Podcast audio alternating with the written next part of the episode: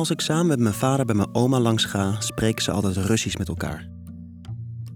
Omdat ik als kind de taal niet ken, klinkt het als een sprookjestaal die langs me heen glijdt, terwijl ik wegdroom bij de plaatjes van kastelen met gekleurde slagroombollentorens die aan de muur van mijn oma hangen.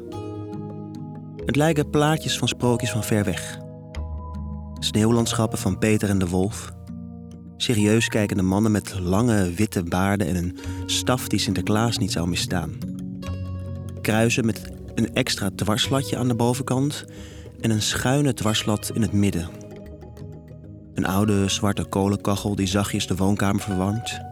Kaarsen voor goudkleurige platen met mensen met gouden cirkels om hun hoofden. Een kleedje over de tv. Een dienblad met goud- en zilverkleurig theeservies.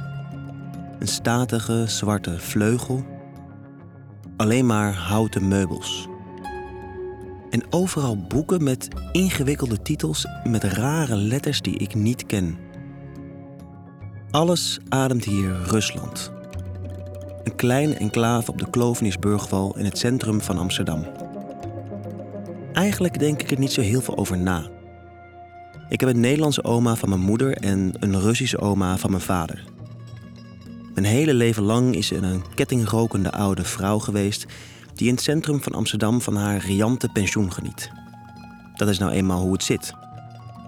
Dat ze met een accent praat, dat ze een niet uit te spreken naam heeft. Nooit heb ik me afgevraagd waarom dat was. Totdat ik ontdek hoe oud ze is, waar ze is geboren en hoe onmogelijk het is dat ze hier terecht is gekomen.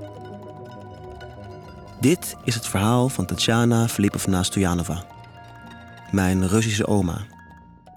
Oftewel, Baba.